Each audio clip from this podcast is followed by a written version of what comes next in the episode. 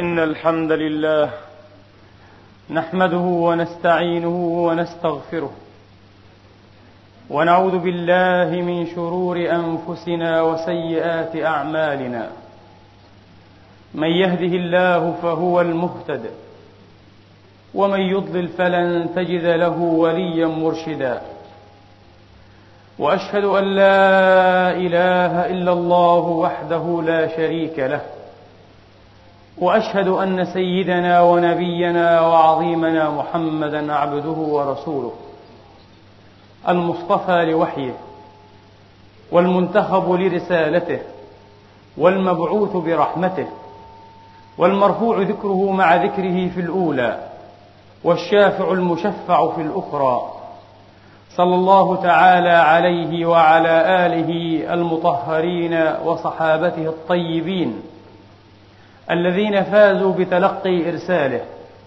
واتباع أقواله وأفعاله واختفوا مسالك الاتباع وجانبوا محدثات الابتداع وعلى أتباعهم بإحسان إلى يوم الدين وسلم تسليما كثيرا. عباد الله أوصيكم ونفسي الخاطئة بتقوى الله العظيم ولزوم طاعته. كما احذركم واحذر نفسي من عصيانه ومخالفه امره لقوله سبحانه وتعالى من عمل صالحا فلنفسه ومن اساء فعليها وما ربك بظلام للعبيد اما بعد ايها الاخوه المسلمون الافاضل يقول الله سبحانه وتعالى من قائل بعد أن أعوذ بالله من الشيطان الرجيم. بسم الله الرحمن الرحيم. تبارك الذي جعل في السماء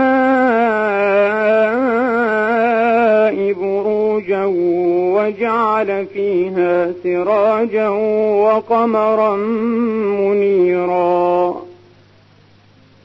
وهو الذي جعل الليل والنهار خلفة لمن أراد أن يذكر. وهو الذي جعل الليل والنهار خلفة لمن أراد أن يذكر أو أراد شكورا. أيها الإخوة المسلمون الزمن كما يقولون ظرف الحدث أو ظرف الأحداث. وهو بهذا المعنى يعتبر مقوما من مقومات الوجود الإنساني على وجه التخصيص.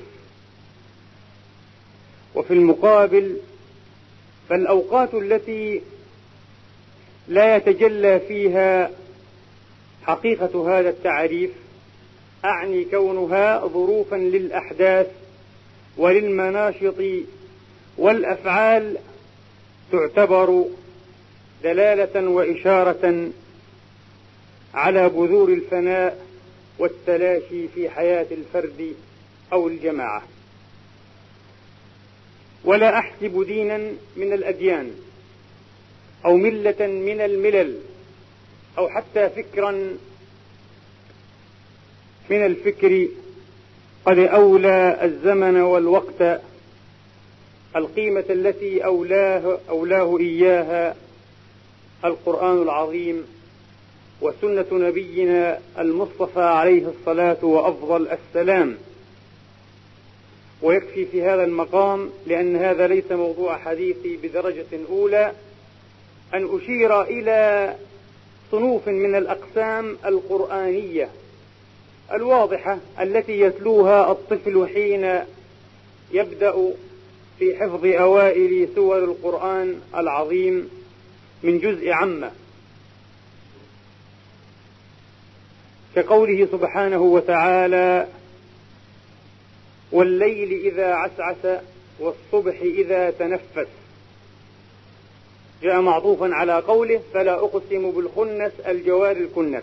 والليل إذا عسعس أي أقسم أقسم بالليل إذا عسعس وأقسم بالصبح إذا تنفس. والفجر وليال عشر. أقسم سبحانه وتعالى بهذا الوقت والفجر وليال عشر. والليل إذا يغشى والنهار إذا تجلى. قسمان من ضمن هذه الأقسام. كما قال سبحانه وتعالى أيضا والضحى والليل إذا سجى. والعصر إن الإنسان لفي خسر. وفي سورة المدثر من جزء تبارك والليل إذ أدبر والصبح إذا أسفر. كلها أقسام يقسم بها سبحانه وتعالى بهذا الذي هو ظرف للحدث بالوقت أو بالزمن. العجيب وهذه ملاحظة لا بد أن نوليها مزيد اهتمام أن هذه الآية القرآنية جميعا كلها نزلت في مكة. أي أنها جميعها ضمن سور مكية فهل لهذا الأمر من دلالة؟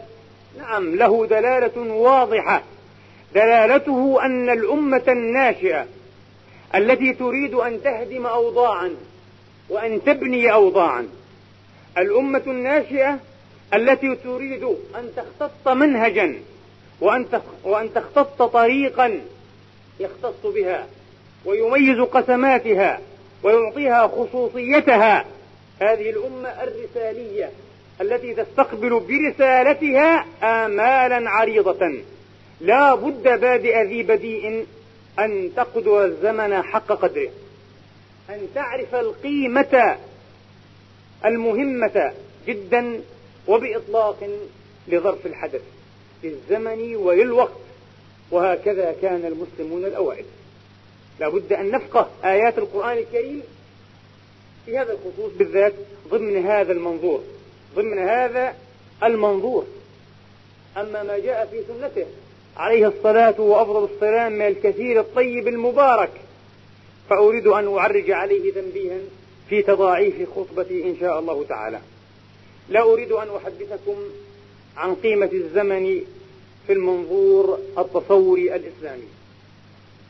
لكن أريد أن أحدثكم عن قضية أخرى تمت لهذه القضية بسبب واضح متين.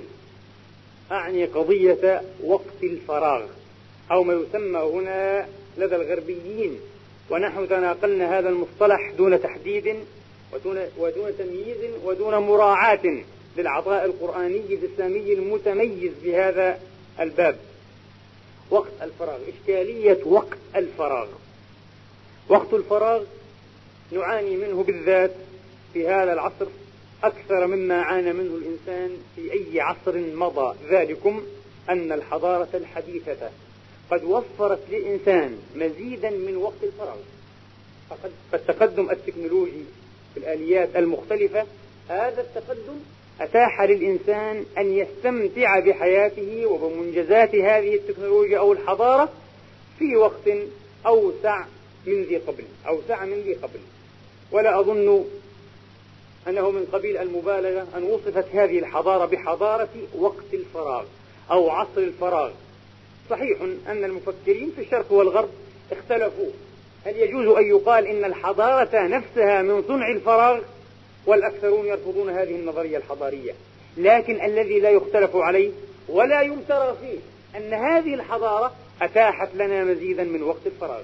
أتاحت لنا مزيدا من وقت الفراغ ولأول مرة في تاريخ الإنسان بهذا الشكل وبهذا الزخم وبهذه الوفرة. طبعا نحن لا نناقش إشكالية وقت الفراغ لدى المجتمع الغربي هذه قضيتهم لكن نناقشها في المجتمعات الإسلامية أو لدى مجتمعات المسلمين لدى مجتمعات المسلمين حتى في ديار الغربة في الجاليات الإسلامية. وإذا كان السؤال الأكثر حسما وحساسية أو الأظهر حساسية هو كيفية تعاطي المسلم. سنقصر النقاش ضمن شخصية المسلم نفسه. كيفية تعاطي المسلم لوقت الفراغ. إذا كان هذا السؤال إجمالا يتسم بالحساسية والخطورة فلهو أشد حساسية وأبرز خطورة إذا تلمحنا به وضع الإنسان المسلم المغترب في ديار الغربة. لماذا؟ لأن آليات شغل وقت الفراغ في هذه الديار آليات تنتظمها مجموعة قيم سلبية تتميز بها هذه الحضارة المعاصرة. هذه الحضارة المعاصرة. وإذا أخذنا على سبيل المثال مثالا واحدا أنموذجيا. وكنت أنا قد أزمعت أن أجعل خطبتي دائرة على هذا المثال. وأعني به المثال الشهير مثال التلفاز. أكثر أنموذج يعتبر آلية مشهورة لكنها فاشلة وليست ناجحة في شغل وقت الفراغ أو في ملء وقت الفراغ. هذا مظهور أو معتمد أو مؤسس على منظومة قيم سلبية تتميز بها هذه الحضارة. التلفاز نفسه يعمل على توطيد وتكريس هذه القيم السلبية. فالمسلم وغير المسلم عندما يجلس قبالته أو إزاءه ساعة إلى خمس إلى ست وربما بعض الأطفال إلى سبع وثمان ساعات. إنما يجلس في وضع المتلقي لا في وضع المشارك. إذا يجلس في وضع سلبي لا في وضع إيجابي. فالفكرة أو المشكلة والعرض والتبرير والحل إن وجد حل موجود جميعا. وما عليك إلا أن تتابع وأن تقتل الوقت بالمتابعة. لكن أن تشارك لا. أن تحاول لا أو العلاقة التي سماها بعض فلاسفة الغربيين اليهودي بوبر علاقة أنا أنت. علاقة أنا أنت. غير موجودة. العلاقة هنا علاقة أنا هو. علاقة مع جامد علاقة مع جامد وإن ظهر في مظهر الحي والحيوي لكنه في الحقيقة جامد. هذا الجمود ينعكس بالتالي على شخصك أنت أيها المسلم. فيجمد فيك أشياء كثيرة قد لا تتفطن لها بادئ الرأي لكنها على المستوى الطويل وعلى المستوى الأبعد تؤتي ثمارها السيئة وتؤتي نتائجها السلبية. تصوروا أن الجلوس أمام هذه الآلة بهذه الطريقة وبهذه اللامشاركة أو بهذه المشاركة السلوبية أو السلبية قد يعمل على تعزيز قيم الاستهلاك في الإنسان لا قيم الإنتاج. لأن التلقي هو وصف للاستهلاك. التلقي وصف للاستهلاك لذا الأمة. التي تستهلك كثيرا من وقتها. أمام هذا الجهاز السلبي في عمومه وفي إجماله أمة يجب وينبغي أن يغلب عليها روح الاستهلاك لا روح الإنتاج. وهذا ما ثبت في دراسات. ليس من عندي. ثبت في دراسات. إذا هو يعزز فيك قيم الاستهلاك بعد أن عزز فيك قيم التلقي فقط وليس قيم المحاورة وقيم الإيجابية وقيم الإنتاج وقيم الإنتاج. هذه ظاهرة خطيرة جدا. على كل أنا أريد أن أخص التلفاز بخطبة برأسها إن شاء الله قد تكون القادمة إذا يسر الله تبارك وتعالى. ولأعد إلى قضية قضية التعاطي مع وقت الفراغ. التعاطي مع وقت الفراغ. خطورة هذه القضية أصلا أيها الإخوة تنبع من أن هذا الوقت هو الوقت الأكثر ملائمة. الأكثر ملائمة لانبثاق مشاعر الأريحية. مشاعر الأريحية ومشاعر الاسترخاء ومشاعر القابلية لأي شيء في حياة الإنسان. ما يسمى عندهم بوقت الفراغ بوقت الفراغ.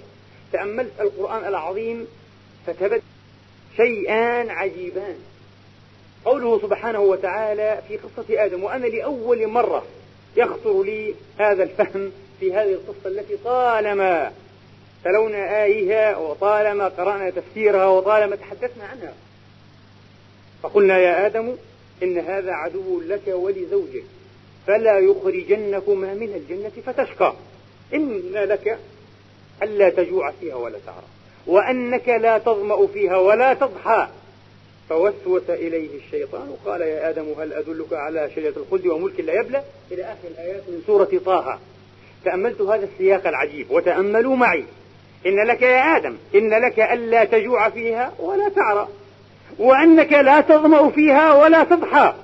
القرآن ذكر هذه المعطيات على أنها يجب أن تكون التبرير والتدعيم لموقف ثبات آدم أمام التحدي أمام تحدي الشيطان اللعين الذي حذره الله سبحانه وتعالى منه ونبه على خطورة وسوسته وخطورة مناشطه الإبليسية. ولكن الذي وقع كما يمكن أن يفهم بطريقة لا تخضع لطرق ومناهج التفسير التقليدية لكن بطريقة استيحاء واستنطاق السياق في إجماله وفي عمومه. إن لك وإن لك مباشرة فوسوس إليه الشيطان فاستجاب آدم. كأن هذه الوفرة كأن هذه الوفرة في الطعام والشراب كأن هذا المسكن والمأوى الخالد الدائم وهذا الدافع دفاع الستر دفاع ستر العورة اللباس. وجود ووفرة جميع هذه النعم. واتصالها بدل أن يكون عاملا في التيقظ والتحسس ورهافة الانتباه كان عاملا في قتل هذا التحسس وقتل اليقظة وقتل الانتباه. فاسترخى آدم وهذا حق. في موضع آخر تبرز هذه الحقيقة النفسية الإجتماعية بشكل أوضح في سورة الهمزة. ويل لكل همزة لمزة. الذي جمع مالا وعدده. ما هو الربط بين هذا الهماز اللماز وبين كونه جمع مالا وأحرزه وعدده؟ والربط واضح لمن تأمل واعتبر. الربط واضح لمن تأمل واعتبر. لو كان هذا الهماز اللماز الغماز لو كان مشغولا سحابة نهاره بما يكد قوته وبما يستنفذ جهده لو كان معنيا أو كان مشغولا أيضا سحابة هذا النهار أو جزءا من الليل بإنجاز أعمال كبرى ضخمة. ما وسعه ظرفه ولا جهده ولا اهتماماته أن يبتذل شخصه وأن يجلس للناس بالمرصاد يغمز هذا ويحمز هذا ويلمز هذا. لكن هذا الرجل كما اختزل هذه الحقيقة المثل العامي والأمثال يا إخوان ليست مجرد كلمات تقال. الأمثال هي جمل اختزالية قصيرة لوعي اجتماعي تراكمي. يعني تراكم في عشرات ربما في مئات ربما في آلاف السنين في الجماعة. تجارب كثيرة جدا ما جريات حياتية متلاحقة. هذا الوعي الاجتماعي التراكمي يختزل في جملة واحدة. كما يقول العوام في أكثر البلدان العربية الفاضي بيعمل إيه؟ قاضي. يجلس فقط يترصد الناس ويحكم على الناس. ويدخل هذا الجنة وهذا النار ويكفر هذا ويشرك ويحكم ويصنف. ويصنف عباد الله تبارك وتعالى أنه فاضي. ولو كان مشغولا ما وسعه شغله أن يعنى بهذه الشؤون التي تبتذل شخصيته وتسطح هذه الشخصية. وتسطح هذه الشخصية. ويل لكل همزة لمزة. جمع مالا وعدده. لأنه جمع مالا وعدده لم يبق له شغل إلا الهمز واللمز. إلا الهمز واللمز. إذا هذه قضية وخطورة وقت الفراغ. قضية وخطورة وقت الفراغ.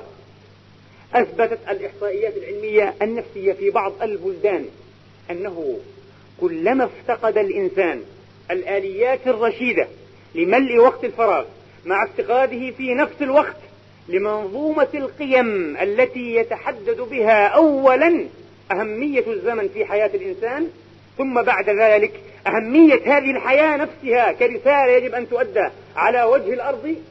كلما صار الإنسان أميل إلى العنف وإلى الجريمة وإلى الأنانية وإلى وجوه العبث واللا معقول هذا طبعا ملاحظ في الحضارة الغربية بشكل صارخ ولا أقول بشكل واضح بشكل صارخ. وملاحظ أو بدأ يلاحظ للأسف في بلداننا الإسلامية بشكل ناشئ. وعلى سبيل المثال أضرب مثال واحدا. في مصر كان في الإسلام في السبعينيات في حقبة أو عقد السبعينيات وربما لأول مرة كظاهرة وليس كحالات فردية كظاهرة. انتشر تعاطي المخدرات. انتشر تعاطي المخدرات. ولكن في أي شرائح انتشر؟ في الطبقات الحرفية. الطبقات الحرفية. لماذا؟ لأنها في تلكم الحقبة قد شهدت طفرة مالية. غير مرجوة وغير منتظرة. الأخوة المصريون بالذات يعلمون هذه الحقيقة. طفرة مالية. هذه الطفرة المالية أتاحت لهم مزيدا. هامش فراغ مزيدا من وقت الفراغ. هامش فراغ جديد. في الجامعات والمعاهد وفي كل مرافق الحياة العامة ومؤسسات المجتمع. إذا في غياب هذا التصور السليم لحياة الإنسان ورسالة وهدف هذه الحياة وغايتها أبدا انتشرت ظاهرة تعاطي المخدرات. في حقبة الثمانينيات انتشر أو انتشرت ظاهرة تعاطي سم الهيروين هذا السم آه. انتشر تعاطي هذا السم أو السم. بين طبقة تتمتع أيضا بدرجة من اليسار الثروي. بدرجة من اليسار الثروي. هذا اليسار في الثروة؟ هذا التمول. هذا اليسار الثروي أتاح لها أيضا هامش فراغ جديدا. هامش فراغ واسعا. طبعا لا يمكن هذه الظاهرة ظاهرة تعاطي المخدرات. وهي ظاهرة مركبة ومعقدة إلى أبعد حد لا يمكن أن نعللها ولا أن نفسرها بهذا التبسيط بعامل واحد. لكن أنا أقول هذا عامل من جملة عوامل لكن الباحثين أولوه عناية خاصة. لكنه عامل من جملة عوامل كثيرة لكنه من أهم هذه العوامل من أهم هذه العوامل. آتي الآن لأجيب على سؤال سائل. كيف يمكن للتصور الإسلامي؟ كيف يمكن للفكر الإسلامي أن يعالج هذه القضية؟ قضية وقت الفراغ. أولا قبل أن أجيب هل يمكن للفكر الإسلامي بالذات في مستوى النقلي النصوص في الكتاب والسنة أن يعترف بشيء اسمه وقت مستقطع أو وقت فراغ أو وقت زائد؟ كلا. ولأبدأ بالتعريف الغربي. ما هو وقت الفراغ عند هؤلاء؟ لأن هذا مصطلح غربي وليس مصطلحا إسلاميا. البتة لا إجمالا ولا تفصيلا. التعريف الغربي وهو تعريف في إجماله إجرائي وليس وظيفيا. إذا إذا أردنا نحن المسلمين أن نقدم تعريفا لابد أن يكون تعريفا وظيفيا لا تعريفا إجرائيا فقط. هذا أيضا من أخطاء التعريف الغربي. هذا التعريف الذي هو في إجماله إجرائي وليس وظيفيا يقوم على توصيف وقت الفراغ بجملة صفات على رأسها التحررية. أنت حر في وقت الفراغ من جميع الواجبات والالتزامات. لماذا؟ لأن حياتهم تقوم على نوع من الفصام ونوع من المفاصلة. ونوع من تجزؤ العمل وتجزؤ القيم. أنت متحرر من أي واجبات من أي التزامات في الوقت الذي تكون فيه حرا أن تشغل وأن تملأ هذا الوقت بما أردت. أن تملأه وأن تشغله بما أردت بما لا يشكل إهدارا أو تعديا على حريات الغير فقط في ضمن هذا الشرط. ثانيا لا يتصف وقت الفراغ بطابع نفعي. أي كما يقول بعض الغربيين وهو باحث جاد كتب دراسة في التطور التاريخي لمفهوم وقت الفراغ دراسة جادة وثرية أنه يتسم بطابع المجانية. هو وقت مجاني يعني لا ينبغي عندما تستثمره في أي شكل من أشكال الاستثمار أن تكون هناك نتيجة. تعود عليك في شخصك بالنفع أو حتى على المجتمع. لأنه يتسم بالمجانية. الشغلات غريبة هذه أشياء غريبة جدا. هذا عندهم هكذا هم يفهمون وقت الفراغ. ترى الآن التباين الواسع والشاسع. بين التصور الإسلامي وبين هذا العطاء الغربي. ثالثا يتسم وقت الفراغ بأنه يغلب عليه أو ينبغي أن يغلب عليه طابع الاستمتاع. أنت تبدده وتهلكه وتجيه في مسالك استمتاعية في مسالك لهو ولعب باصطلاح القرآن الكريم. ولنأتي الآن إلى القرآن العظيم وسنة المصطفى عليه الصلاة والسلام. الملاحظ لمن تتبع بدقة. آيات القرآن الكريم وأحاديث المصطفى عليه الصلاة والسلام كما قلت قبيل قليل أنه لا يمكن أن يجد شيئا يدل على وجود وقت مستقطع أو وقت زائد أو وقت فارغ في حياة المسلم. كلا على الإطلاق. ما الذي يقوله أصحاب المعجمات؟ الفيروز أبادي مثلا عندما عرف الفراغ جعله مقابل الشغل. والشغل بدوره له تحديد قرآني ما هو الشغل؟ هو غير العمل. لكن ما هو قرآنا أو قرآنيا؟ الشغل هو كل ما ألهى عن طلب وجه الله والدار الآخرة. سيقول لك المخلفون من الأعراب شغلتنا أموالنا وأهلنا فاستغفر لنا شغلتنا. عن ماذا شغلتهم؟ شغلتهم عن الخروج مع رسول الله في جهاد وفي نفير. كل ما شغلك عن طلب وجه الله والقصد إليه سبحانه وتعالى بالطاعة والقربان فهو شغل فهو شغل. الشغل يأتي مقابل الفراغ. إذا ما هو الفراغ؟ يحدده المصطفى عليه الصلاة والسلام بقوله في غير ما حديث. في الحديث الذي أخرجه ابن ماجه في سننه مثلا بادروا بالأعمال الصالحة قبل أن تشغلوا. أي بادروها وسارعوها في أوقات فراغكم أو تفرغكم قبل أن تشغلوا. الشغل ما هو قرآنيا؟ هو كل ما ألهاك كما قلنا عن طلب وجه الله ورضاه وقصده بالطاعة والقربان أي القربى سبحانه وتعالى. أيضا في حديثه الذي يمثل وصاة عزيزة لعبد الله بن عمر رضي الله تعالى عنهما وأرضاهما اغتنم خمسا قبل خمس وذكر فيه وفراغك قبل شغلك. وفراغك قبل شغلك. الشغل فهمناه. الفراغ الذي يأتي في مقابله. ما الذي يمكن أن توحي به هذه النصوص في معنى وتحديد وتعريف الفراغ؟ بعبارة بسيطة كما نعبر نحن الآن في لغاتنا العامية راحة البال. الذي يكون باله مرتاحا هو الإنسان الفارغ. الذي يكون باله مرتاحا هو الإنسان الفارغ. إذا راحة البال أو الفراغ قد يأتي أين؟ قد يأتي أثناء ممارسة العمل التعبدي أو العمل الدنيوي المحض. أنت تمارس عملك لكنك تكون فارغا ما معنى كونك فارغا؟ معنى أنك مرتاح البال وأنك يمكن أن تسلك إلى الله تبارك وتعالى في هذا الظرف الطيب الآمن أو الواعد راحة البال لكن إذا شوش البال أصبح الإنسان مشغولا إن كان بشغل أو بغير شغل بالمعنى الذي نفهمه للشغل إذا عطاء مختلف تصور مختلف تماما لماذا؟ لأن التصور الغربي يا أحبابي كما رأيتم وكما تحسستم أو تلمحتم وترمقتم ينبثق ويصدر عن فهم خاطئ لرسالة الإنسان في الحياة ولإمكانات الإنسان المتاحة له. وعلى رأسها موضوع حديثنا الزمن. العطاء الغربي يتعاطى مع الزمن على أنه ملك مطلق للإنسان يصرفه ويفعل فيه ما يشاء. الإسلام يخالف هذا التصور ويتعاطى هذه القضية على أن الزمن والوقت الذي هو رأس مال الإنسان هبة هبة من الله تبارك وتعالى للإنسان لكن لا هبة مطلقة يصرفها فيما شاء وإنما تأخذ شكل الأمانة وشكل الوديعة وإنه لمسؤول عنها يوم القيامة. وإنه لمسؤول عنها يوم القيامة. أذكر عندما درست هذا الحديث وكنا في المدرسة درسناه في المدرسة أن هذا الحديث هزني وأثر في تأثيرا عميقا. إلى اليوم لا أحب كثيرا أن أتعرض حتى في قراءتي الشخصية لهذا الحديث لأنه يشعرني بالخزي وبالفشل وبالعجز وبالتقصير أمام نفسي. لا تزول قدم عبد. هزن هذا الحديث عندما قرأه في المدرسة. لأول مرة سمعناه. لا تزول قدم عبد يوم القيامة. يعني لا ينتهي حسابك لا تفرغ من حسابك. إلى منصرفك في الجنة إن شاء الله تبارك وتعالى. لا تزول قدم عبد يوم القيامة حتى يسأل عن أربع. أول هذه الأربع عن عمره فيما أفناه. إذا ليس ملكا مطلقا لك. تصرفه في مباح أو في محرم أو في جريمة أو في جريرة. كلا أنت مستخلف في أرض بدنك مستخلف في ظرف زمنك أيضا. مستخلف في ظرف زمنك كما أنت مستخلف في أرض بدنك. عن عمره فيما أفناه ثم قال وانتبهوا يا معشر الشباب. وجه هذه الكلمة لمعشر الشباب وعن شبابه فيما أبلاه.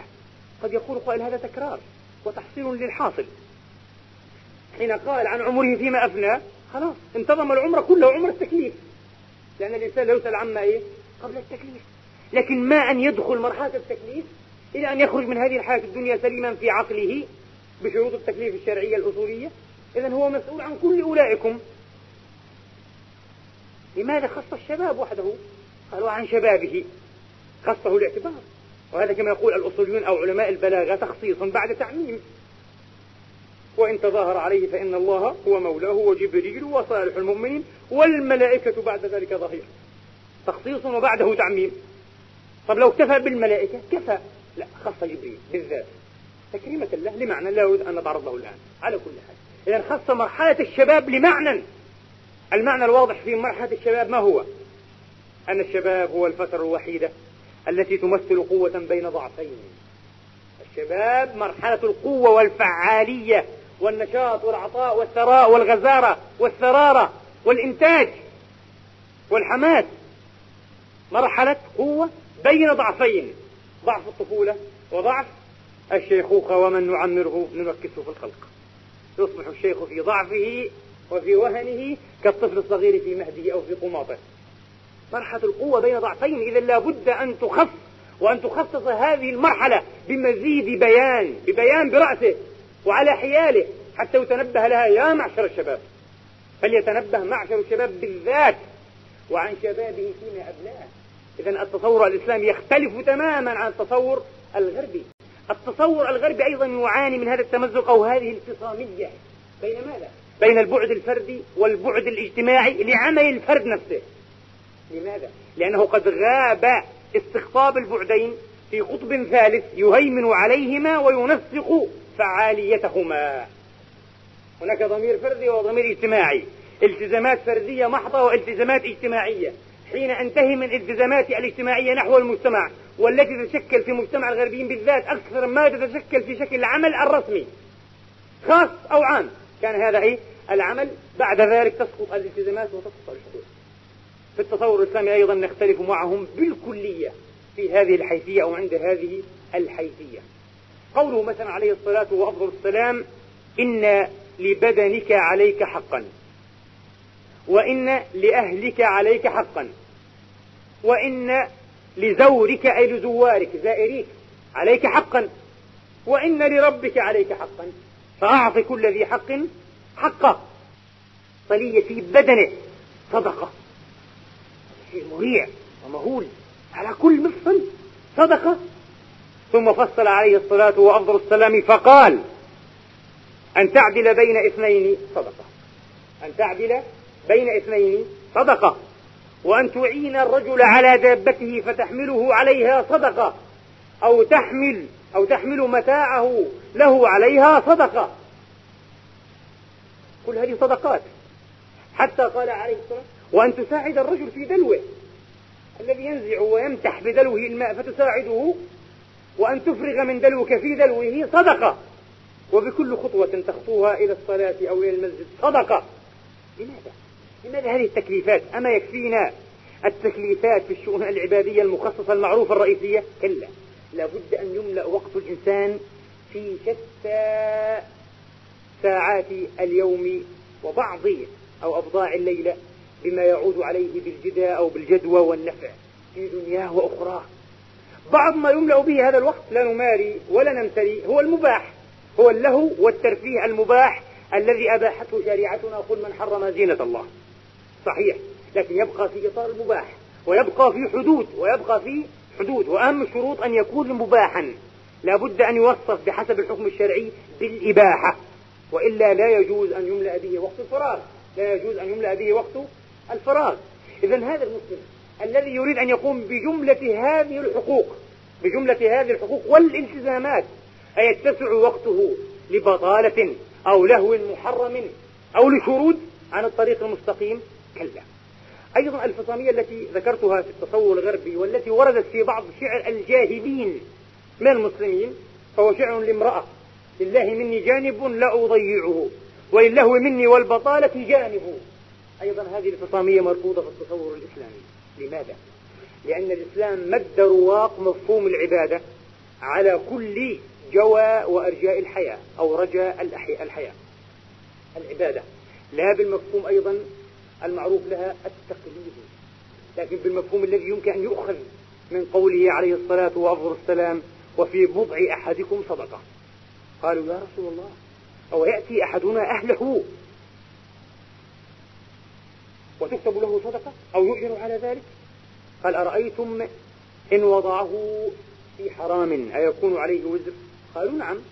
قال فكذلك إن وضعه في حلال يكتب له أجر أو كما قال عليه الصلاة وأفضل السلام إذا هذا حديث من جملة أحاديث كثيرة.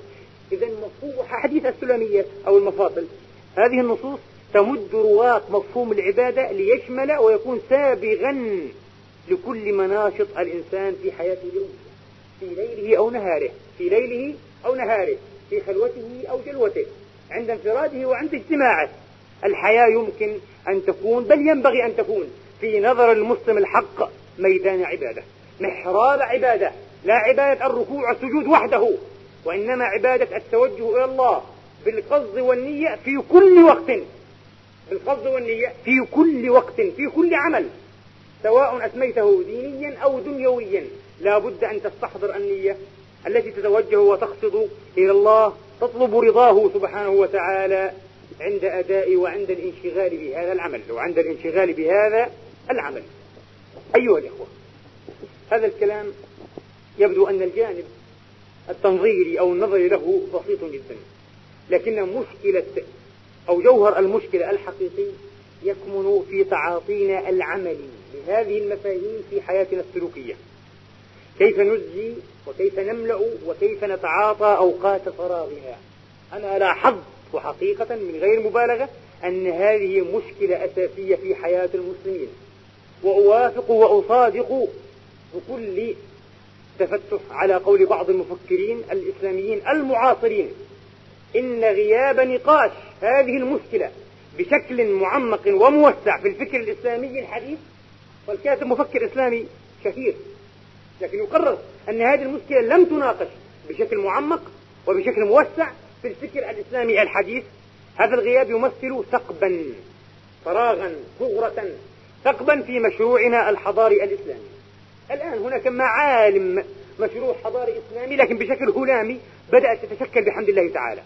في هذا التشكل لا بد أن نراعي ضمن الأولويات هذا المشكل الرئيسي أو هذه المشكلة الرئيسة التعاطي لأوقات الفراغ. التعاطي لأوقات الفراغ. تصوروا أنتم ربما ذكرت لكم مرة إحصائية في إنجلترا أو في بريطانيا الذين يغيبون من جراء الأمراض أو السعال أو التوعكات التي تحدث لهم من جراء التدخين. هذا يغيب يوما في الشهر وهذا يغيب يوما في الأسبوع إلى آخره من جراء التدخين.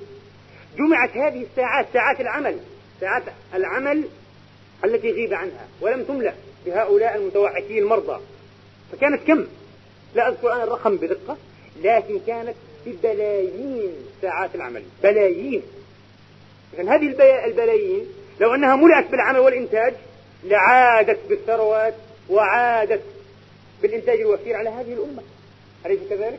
إذا نحن عندما نزجي كل واحد منا يوميا ساعة أو ساعتين أو ثلاث ساعات على الأقل بعضنا أمام التلفاز وغير التلفاز وفي نشاطات مبتذلة كما قلت تقطع الشخصية ولا أهمية لها ولا حاجة منها أو حتى بالزيارات. بعض الناس يستهلك نفسه في زيارات الإخوان زيارات لا تأخذ الطابع الديني ولا القصد الديني.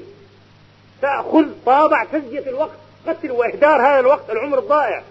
إلى غير ذلك إلى غير ذلك. حتى بعض الناس من المسلمين. هنا وفي بلادنا. يجون أوقاتهم على المقاهي. يجلس أربع خمس ساعات على المقهى. فنجان شاي وفنجان قهوة وسيجارة إثر سيجارة. ومجالس سهو وبطالة وعفونة في حياتنا. هذه في محصلتها النهائية ملايين الأيام أو بلايين الأيام. يمكن أن تبنى بها حضارة أو مدنية. نهدرها كذا ونقتلها وإننا عنها يوم القيامة لمسؤولون. لابد أن نؤثر وأن ننظر لهذه المشكلة في هذا الإطار الحضاري الواسع العميق والبعيد الخطر ليس فقط في إطار إيه؟ المباح وغير المباح من وجوه الترفيه. أذكر مرة قصة عن الإمام جمال الدين القاسمي. أحد أئمة الإسلام في هذا العصر رحمة الله تعالى عليه وأحد رواد الاتجاه السلفي المعاصر محمد جمال الدين القاسمي. هذا كان شيخا دمشقيا. وسمي بشيخ الإسلام ولم يبلغ عمره الأربعين سنة. وتوفي رحمة الله تعالى عليه عن تسع وأربعين سنة. وألف أكثر من 150 كتابا. من ضمنها التفسير الشهير في عشر مجلدات. 49 سنة. كان هذا الإمام العالم رحمة الله تعالى عليه الرجل الصادق المجتهد المثابر. إذا مر مع بعض تلامذته أو إخوانه على المقاهي تتحدق الدموع من عينيه. ويقول لهم يا فلان ويا فلان والله لو أن الوقت يشرى من هؤلاء بالنقود لدفعت كل ما أملك لأشتري أوقاتهم. أنا أريد هذه الأوقات. يبددونها يضيعون هؤلاء الجهل الأمل لأنهم لا يعرفون الهدف الذي من أجله خلقوا. ذكرت لكم مرة نقلا لطيفا عن الإمام ابن قدامة المقدسي. كتب رسالة في التربية الروحية والنفسية رحمة الله تعالى عليه. ذكر فيها عبارة تحمل فهما جيدا.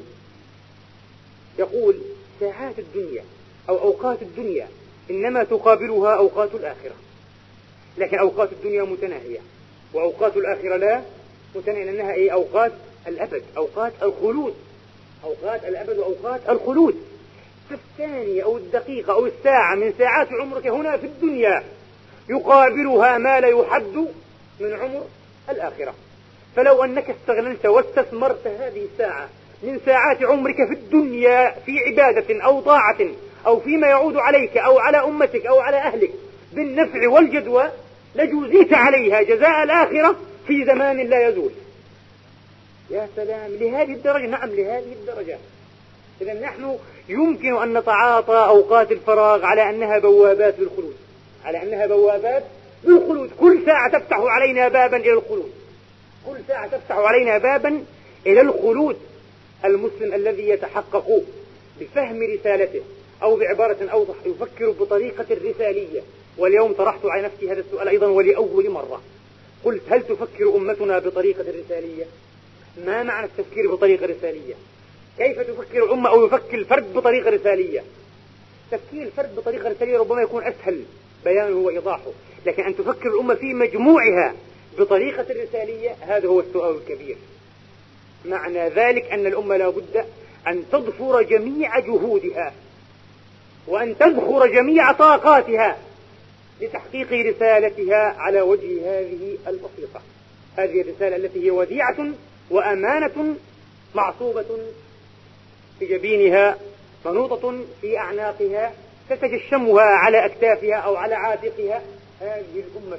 فهل فكرت الآن أو هل تفكر أمتنا الآن بطريقة الرسالية؟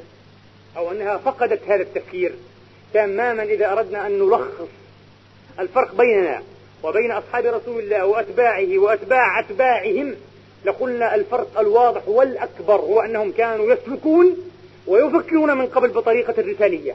أما نحن الآن فلا نسلك ولا نفكر بطريقة الرسالية. كأمة يوجد منا أفراد كثر بحمد الله كفاهم الله يفكرون بهذه الطريقة الرسالية. لكن الأمة في مجموعها لا تفكر بطريقة الرسالية لأنها بعد لم تحسم خياراتها.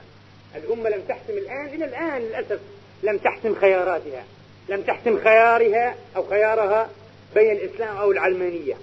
يعني بين الحكومة الشرعية والحكومة اللادينية. لم تحسم خيارها بين أن تستقل بأمرها أو أن تظل تابعة للشرق مرة أو الغرب أخرى. لم تحسم الخيارات الكبرى في حياتها. لم تحسم خيار وتطرد الدخيل وبين أن تؤصل الدخيل وتطارد الأصيل. لم تحسم أيضا هذا الخيار. وهذا عنه مشكلات كثيرة. إذن هذه الأمة في مجموعها لا تفكر بطريقة الرسالية لا تفكر بطريقة الرسالية وإن فكر بعض أفرادها بهذه الطريقة الرسالية. أقول هذا القول وأستغفر الله لي ولكم فاستغفروه.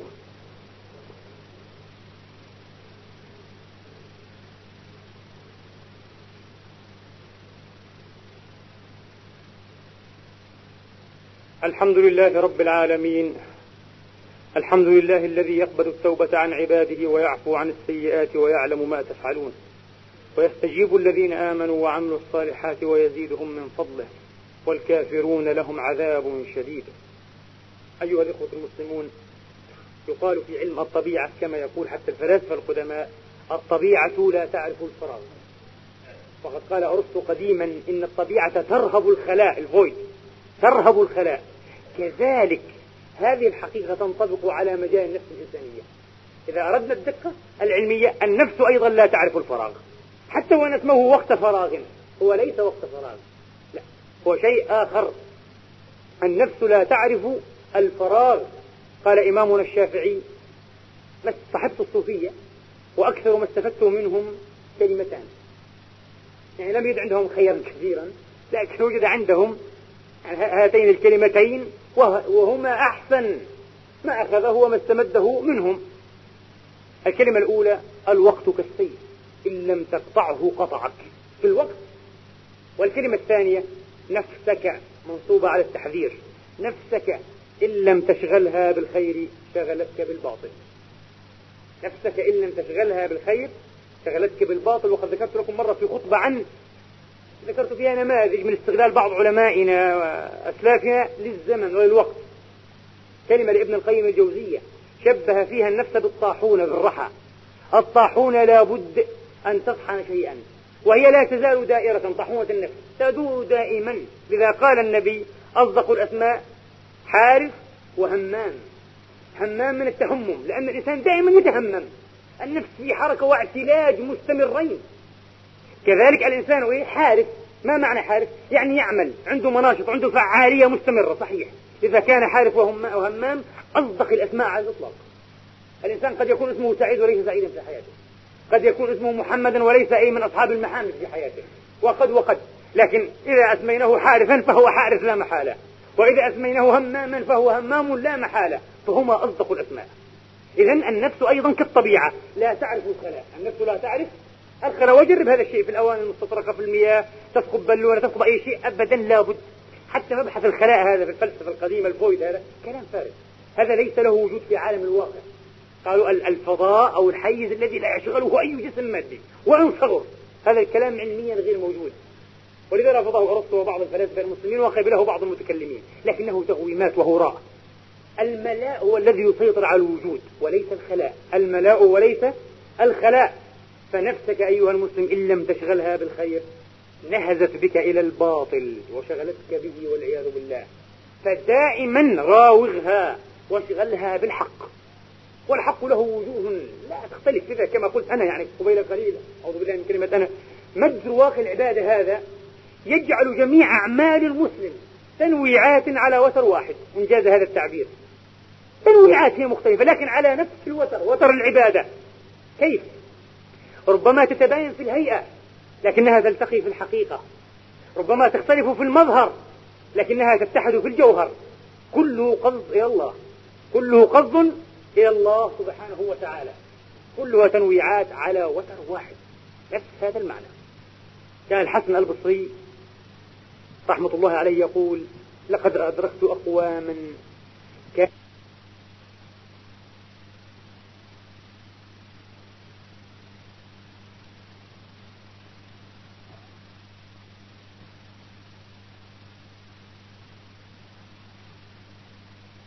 أكلمك وإلا ما عندي وقت وظل ما فيها قيل عن يحيى بن سعيد رحمة الله تعالى عليه الإمام المحدث الشهير.